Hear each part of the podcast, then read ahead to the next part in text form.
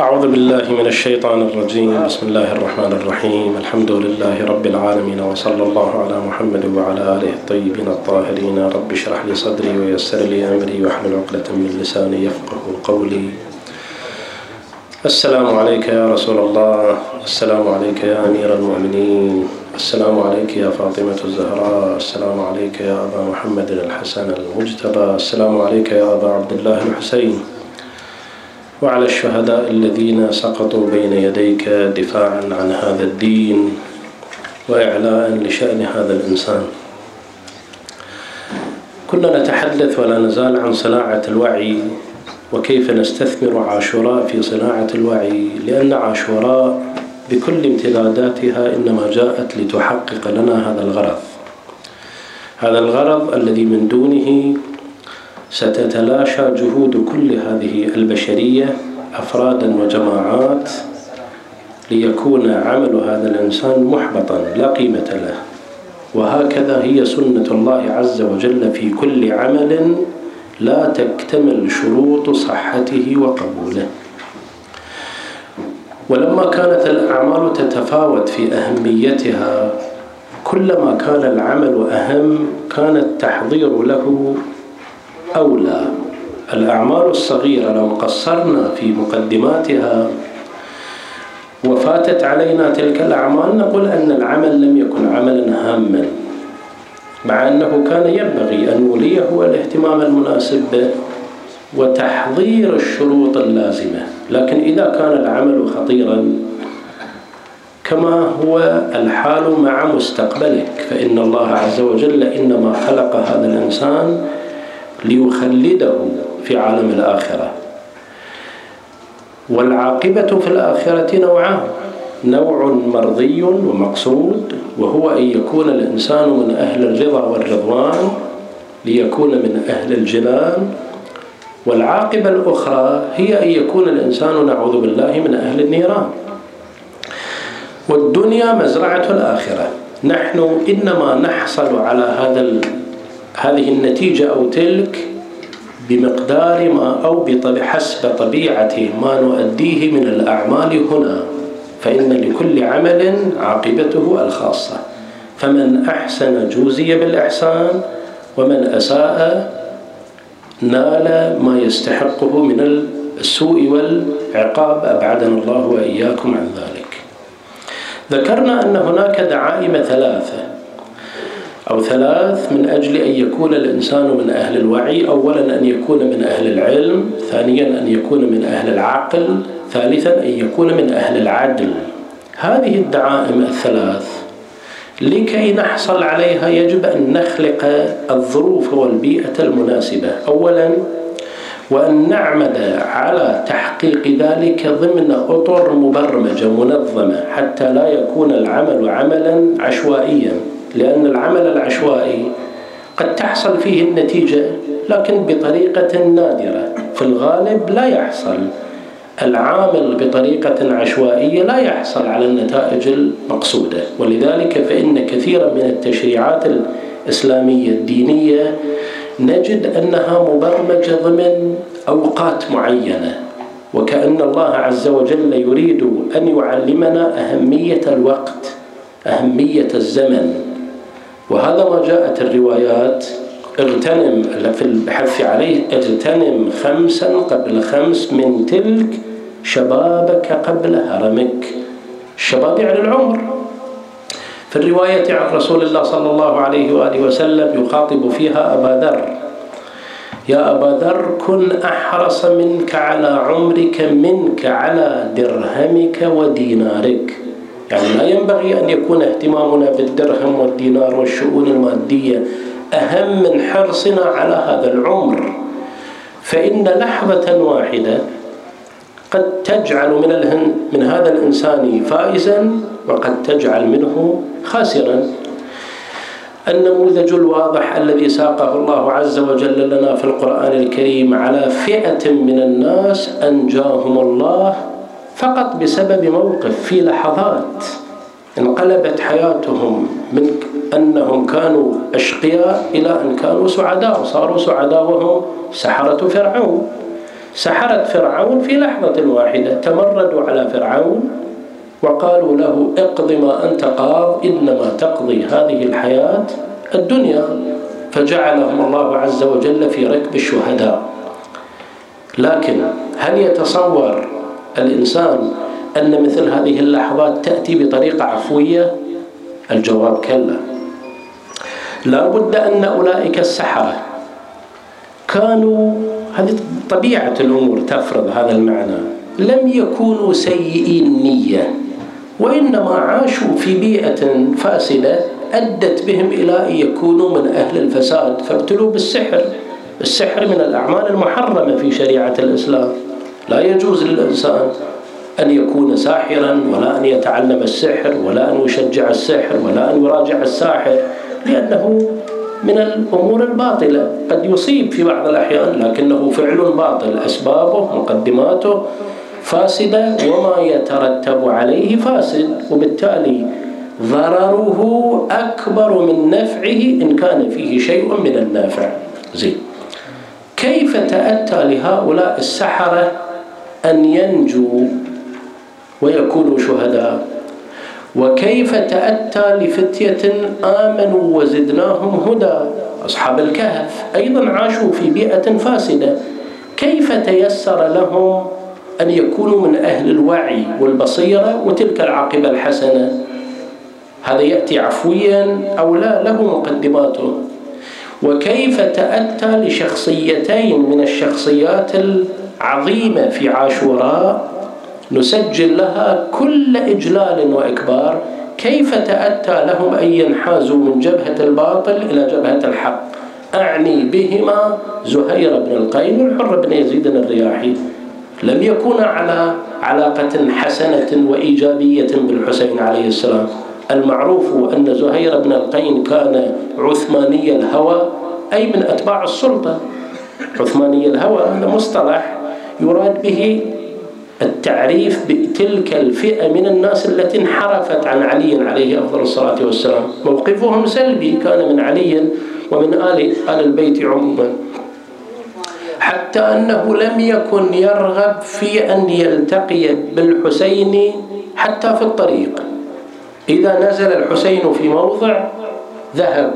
وإذا ذهب الحسين هو بقي في الموضع حتى لا يلتقي بالحسين عليه أفضل الصلاة والسلام. لأنه الوضع النفسي كان وضع سلبي جدا. لكن الرجل وكذلك الحال في الحر ابن يزيد الذي كان عسكريا ضابط على درجة عالية في الرتبة العسكرية في السلطة الأموية. مع ذلك انتهى أمره إلى أن يكون من أجلاء الشهداء مع الحسين عليه أفضل الصلاة والسلام. السبب في ذلك هو النية الحسنة. الرغبة الصادقة التي كانت كامنة عند هذه النماذج الأربعة السحرة نيتهم لم تكن سيئة لكن للأسف الشديد البيئة كانت فاسدة وإذا لم يتحرر الإنسان من تلك البيئة الفاسدة تلوثه. يبقى هل أن أنه يملك من النية الصادقة ما يجعل أنوار الهداية الإلهية تصيبه؟ هذا علمه عند الله عز وجل. فإن الحق سبحانه وعد الناس في قوله والذين جاهدوا فينا لنهدينهم سبلنا. إذا أردت الله أرادك وإذا كنت صادقا في طلب الحق والله يعلم منك هذا الصدق فإن الله عز وجل يهديك لكن بشرطه وشروطه. يعني يجب أن يكون الإنسان في وجدانه صادق ويسير في هذا الاتجاه فإن الله عز وجل يكافئه بما يناسبه وبما ينشده. كيف نصنع مثل هذا هذه البيئة التي تؤدي بالإنسان إلى أن يكون واعيا وبالتالي يحسن الاختيار فيما يترجمه من الأعمال؟ حينما نرجع للثقافة الإسلامية الدينية في القرآن الكريم في السنة المطهرة المروية عن النبي صلى الله عليه وآله أو المروية عن آله عليهم أفضل الصلاة والسلام وفي من سبقهم من الأنبياء وفيما تؤكده حتى البحوث التي لا ترتبط ولا تستقي معارفها من النصوص الدينية نجد أنهم يركزون على خلق بيئة صالحة. ماذا يقصدون بالبيئة الصالحة؟ الأسرة في أول ما تتشكل لأن لها انعكاسا مباشرا على نتاج هذه الأسرة. هذا التزاوج بين شخصين لا يمكن إلا أن تتأثر. هذه الأسرة التي تشكلت بطبيعة هذين الشخصين اللذين ارتبطا كزوج وكزوجة. فإذا قدر الله عز وجل لهما أن يرزقا بذرية فإن هذه الذرية ستكون صالحة إن كانا صالحين وستكون غير صالحة إن لم يكونا صالحين. هذه هي القاعدة العامة قد يكون لها شواذ. الأنبياء ابتلي بعضهم بأولاد فاسدين. نوح عليه أفضل الصلاة والسلام يسأل الله عز وجل أن يكون من الناجين ولده. فقال إن ابني من أهلي. جاءه الجواب إنه ليس من أهلك إنه عمل غير صالح. كان هناك عنصر تغلب على عنصر الجهد النبوي الذي بذله نوح. نوح قطعا لم يقصر نبي والأنبياء ليسوا قاصرين ولا مقصرين لكن لا يعني أن يكون الأبوان صالحين. أن النتيجة الحتمية هي هي صلاح الولد. لأن يبقى كل إنسان هو يختار أن يكون من الصالحين أو غير الصالحين. لكن ما يهيئه الأبوان هو مجرد توفير البيئة. لكن من المهم جدا أن نسعى في توفير البيئة النقية. فالنبي صلى الله عليه وآله وسلم يؤكد على حسن اختيار الزوجة. اختاروا لنطفكم فإن الخال أو فإن العرق دساس أو الخال أحد الضجيعين. يعني اختر في زواجك امرأة صالحة من بيئة صالحة ويحذر في المقابل من المرأة التي تعيش في بيئة غير صالحة. إياكم وخضراء الدمن. قيل يا رسول الله وما خضراء الدمن؟ قال المرأة الحسناء في منبت السوء.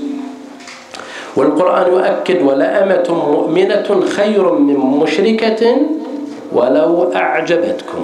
الإعجاب يمكن الإنسان يلاحظ الجانب الشكلي فتعجبه هذه المرأة لكن القضية في عالم الحكم على الناس لا ينبغي أن نقف عند حدود الظواهر. شكله حسن فنفسيته حسنة. لا قد يكون شكله حسن والنفسية غير حسنة. قد يكون شكله غير حسن والنفسية حسنة. قد يتوافق الشكل والمضمون في السوء وفي الحسن. يعني يكون الشكل جيد والمضمون جيد والشكل سيء والمضمون سيء. فإذا لا بد أن يكون الإنسان على وعي حينما يختار المرأة. وفي المقابل إذا جاءكم من ترضون دينه وخلقه فزوجوه. فإذا هناك انتقاء للزوجة وفي المقابل انتقاء للزوج. لأننا نريد من خلال هذه العلاقة بين الزوجين أن ننتج ذرية. هذه الذرية لن تنبت في صحراء وإنما ستنبت في هذه المزرعة. والذي سيسقي هذا الولد بالأفكار وبالتجارب وبالمعارف وبالرضا هذا في المحسوس. وأما في غير المحسوس التكوينات النفسية إنما سيسقيه بكل ذلك هذان الأبوان. التركيب الشكلي والأحاسيس والمشاعر والقوة والضعف عند الأبوين ستنتقل بطريقة أو بأخرى في عند هؤلاء الأولاد. فإذا المرحلة الأولى اختيار الزوج الصالح والزوجة الصالحة. الخطوة الثانية هي الاهتمام بهذا الولد بمجرد انعقاد نطفته. كل واحد يقول إحنا نتكلم عن الوعي ولا نتكلم عن الزواج وتكوين الأسرة؟ من هنا يصنع. صناعة الوعي تكون بشكل متقدم. ليست المسألة عمل للحظات وننتج إنسان ننقله من عالم فقدان الوعي وزيف الوعي وضعف الوعي إلى عالم الوعي. كتاب يقرأه ولا حصة يحضرها؟ لا. المسألة فعلا ذات جذور عميقة جدا. الخطوة الثانية هي الاهتمام بهذا الولد حتى قبل أن يولد. ولذلك تأتي الروايات والآداب الشرعية للمرأة الحامل أن تعمل بما ينبغي أن تعمله من المستحبات والآداب. ينقل أن الشيخ الأنصاري رضوان الله عليه وهو أحد كبار فقهائنا وعلمائنا الفقهاء والأصوليين ويدرس كتاباه الشهيران كمتنين في الحوزة العلمية. الرسائل يسمونها فرائد الأصول والمكاسب. من أعاظم الفقهاء. يقال أن أمه رحمه الله وإياها لم تكن ترضعه إلا بعد أن تتوضأ. ما كانت ترضعه دون أن تتوضأ. انعكس على نفسية هذا الرجل القوي في إيمانه القوي في علمه النجيب.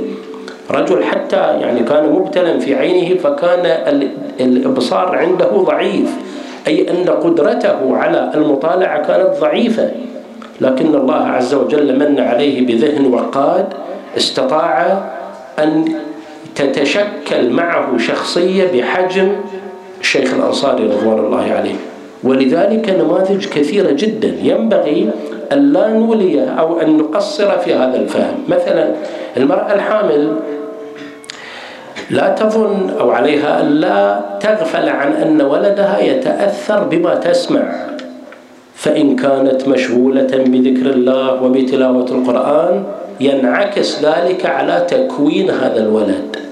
يكون ميل هذا الولد وبالتجربة هذه حاصلة ميل هذا الولد لقراءة القرآن أميل ويقال أن بعضهم أجرى هذه التجربة وجدوا أن طفلا من الأطفال حتى نشوف الجانب المعاكس طفل من الأطفال كان يميل إلى الاستماع لأغنية معينة ما كانت. يعني لما ولد هذا الولد تلك الأغنية لم تكن دارجة بين الناس يعني دخلت ضمن الأرشيف. فلما فتشوا وجدوا أن أمه كانت تعشق تلك الأغنية أيام كانت حاملا بهذا الولد. وأنا أعرف أن هناك من كان من يحفظ القرآن الكريم وهو ولد عنده قدرة خارقة في حفظ القرآن الكريم في الدرجة الأولى وليس غير القرآن الكريم. السبب هو أن أمه كانت حريصة جدا أيام الحمل على أن تستمع للقرآن وتقرأ القرآن بصوت مرتفع انعكس على أن هذا الولد سهل عليه أن يسترجع ما علق بذاكرته وهو في بطن أمه. فالمسألة تتأثر. زين لقمة الحلال هذه أيضا تؤثر ولقمة الحرام تؤثر بشكل سلبي. الإمام الصادق عليه أفضل الصلاة والسلام يقول لقمة الحرام أو مال الحرام يبين في الذرية. مثل ما أن لقمة الحلال تؤثر لقمة الحرام تؤثر. سواء ما يسرق من المال ما يغصب من المال مال الخالق مال المخلوقين تؤثر. ولو بشكل بعيد. ماء زمزم أنا قرأت مقابلة بس من باب الاستطراد والشاهد كيف تؤثر الأشياء البعيدة جدا. ماء زمزم في ليلة النصف من شعبان وأنا قرأتها في جريدة عكاظ للمهندس الذي كان مسؤولا عن ماء زمزم. هو يتحدث. يقول ليلة النصف من شعبان. طبعا ماء زمزم معروف أنه ماء مالح. تغلب عليه الملوحة. ولذلك كان عبد المطلب رضوان الله عليه يضع الزبيب يهرسه ويضعه فيه من أجل أن يكسر الملوحة حتى يستمر الناس شرب ماء زمزم. يقول هو ليلة النصف من شعبان يحلو ماء زمزم. يصير حلو يعني تنكسر حدة الملوحة تنكسر. هو يعللها. كلنا تعليل آخر هو يعللها بأن هناك انشعابات مائية تفتح في ليلة النصف. تفتح وتدخل على بئر زمزم وتتغير المعادلة تركيب ماء زمزم في تلك الليلة. هذا يؤثر بني آدم يأثر هذا الطفل الذي ينشأ في بيته أو البنت التي تنشأ في بيت لا تسمع فيه كلمات نابية. ليس في لن نجد في قاموسها كلمات نابية لأنها لا تعهدها في ثقافة البيت. فإذا اتسعت الدائرة ولم تسمع ذلك في الشارع ولم تسمعه في المدرسة ستنمو وسينمو هذا الولد في بيئة نظيفة. لا يحسن السباب لأنه لا يعرف السباب. والقرآن الكريم يعلمنا مسألة التكنية. إذا جاء أحد منكم من الغائط. الغائط في اللغة العربية هو المكان المنخفض الذي تقضى فيه الحاجة. يمكن إحنا مع مرور الزمن سمينا الحال باسم المحل فصار المقصود بالغائط اليوم هو الفضلة التي تخرج من الإنسان. لا هذا كان تعبير كنائي قديم. الغائط هو هذا المكان. في مصر إلى الآن يقولون جئت من الغيط أي من البستان لأن بساتين مصر هي قريبة من النهر وبالتالي تكون في منخفض في الغالب فيسمونها غيط يعني منخفضة. هذا أصلها اللغة العربية الغائط هو المكان المنخفض. القرآن الكريم يقول أو لامستم النساء أي حصلت المقاربة الخاصة بين الزوج وزوجته. ليس الملامسة المقصود المصافحة والمباشرة حتى يجب على الإنسان أن يغتسل أو يتوضأ كما يتوهمه أناس. هذا تعبير كنائي. هذه التعابير الكنائية تريد أن تزرع فينا وتعلمنا أن نسمع الكلمة الطيبة فنعتاد النطق بالكلمة الطيبة. كان يأتي إلى رسول الله صلى الله عليه وآله وسلم بعض الناس ممن أسلم حديثا ويكون اسمه اسم من تلك البيئات الصحراوية اسم خشن اسم غليظ لا يدل على معنى صحيح من الناحية العقائدية. أو بشع من الناحية فيغيره رسول الله إلى عبد الله أو عبد الرحمن يختار له من الأسماء التي تشي بالانتقال من حالة فكرية وعقائدية وثقافية معينة إلى حالة أخرى وهكذا. فإذا لا بد أن نهتم بهذا الولد لنكون له بيئة تجعله ينتهي إلى الوعي. زين. الخطوة الثالثة هي أن الولد كما أشرنا في ليلة البارحة يتأثر بشكل كبير بأبويه من حيث لا يلتفتان التعليم تارة يكون تعليم بالقول وتارة تعليم بالفعل. يعني البنت والولد إذا وجد أباه أو أمه صاحبي همة عالية كما ذكرنا في الغالب هو يحاكي. لأنه معجب بأبيه معجب بأمه. فتنعكس صفات الأبوين في مقام السلوك على هذا الولد. إذا وجد أن أباه في كل صباح تفتح عين هذا الطفل وهذا الولد على أبيه وبين يديه القرآن الكريم يتلوه أو كتاب من كتب الأدعية وهو يدعو. أو يذهب إلى صلاة الجماعة في وقت الصلاة. أو يذهب إلى المسجد أو يذهب إلى الحسينية أو يطالع كتاب. كل هذه التصرفات ستشكل وعيا اللي إحنا نسميه اللاوعي. هذا الوعي هو لم نعلمه بشكل مباشر لكن في لاوعيه يعرف العيب من الصواب والخطأ. ليس لأن الأب قال له افعل أو لا تفعل لكنه يجد أباه يكرر هذا الفعل. ويتجنب الفعل الآخر. الفعل المعين زين. لنفترض إحنا بعض ال... إحنا عندنا مشكلة اسمها التلفزيون وكيف نتعامل مع الأبناء كيف نتحكم في التلفزيون في اللقطات غير الجيدة في البرامج غير الجيدة. من السهل جدا أن تلقن ولدك هذا المعنى إذا كنت أنت متحفظ في مشاهدة التلفزيون. فإذا كان عندك جهاز التحكم في التلفزيون فإذا بدأت بعض المقدمات ولو بعيدة للإشارة إلى فعل لا ينبغي وتكرر هذا الفعل بمحضر الولد أنك تغير من القناة وتبدل القناة ينتقل إلى ذهن هذا الولد ويتشكل لديه وعي أن هذا الفعل مما لا ينبغي أن نظر إليه. حين ذاك لست بحاجة إلى أن يكون جهاز التحكم عندك. وجرب هذا المعنى وانقل هذا الوعي لولدك فليكن هو المتحكم في تبديل القنوات بحضورك حتى تجد أنه استوعب هذه الثقافة التي عودته عليها أو لم يستوعب. وتحتاج إلى فطنة ودقة ولباقة أيضا في إيصال هذه المعلومة. لاحظوا في الرواية الشريفة ماذا جاء؟ يتكلم عن أهمية هذا العمر بدايات العمر الصغير وبدايات الطفولة والصبا والتي يزرع فيها أهم الدروس التي تعلق في ذهن هذا الولد لتشكل وعيه الباطني ليس وعيه المحسوس وإنما في اللاوعي كما يقال اليوم.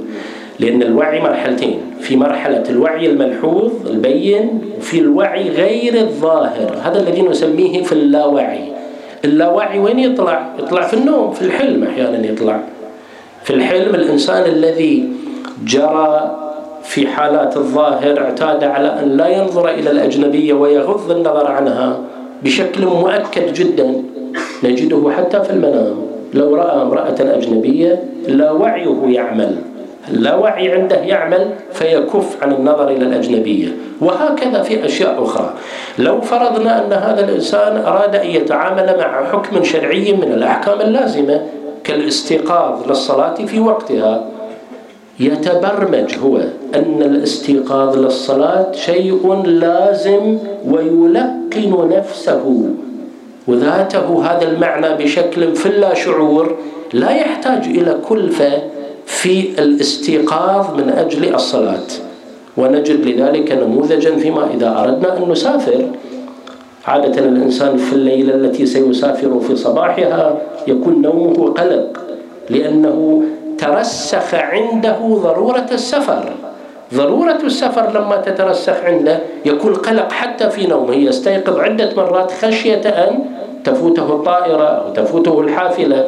هذا المعنى لو وجهناه إلى الجهات التي يجب أن نتوجه فيها نكون ساهمنا في صناعة هذا الوعي. وكما ذكرت نحن لا نريد أن نتحدث عن صناعة وعي للحظات وحالات معينة وإنما نريد أن نبدل أو أن نجعل هذا الوعي بمثابة العادات والتقاليد.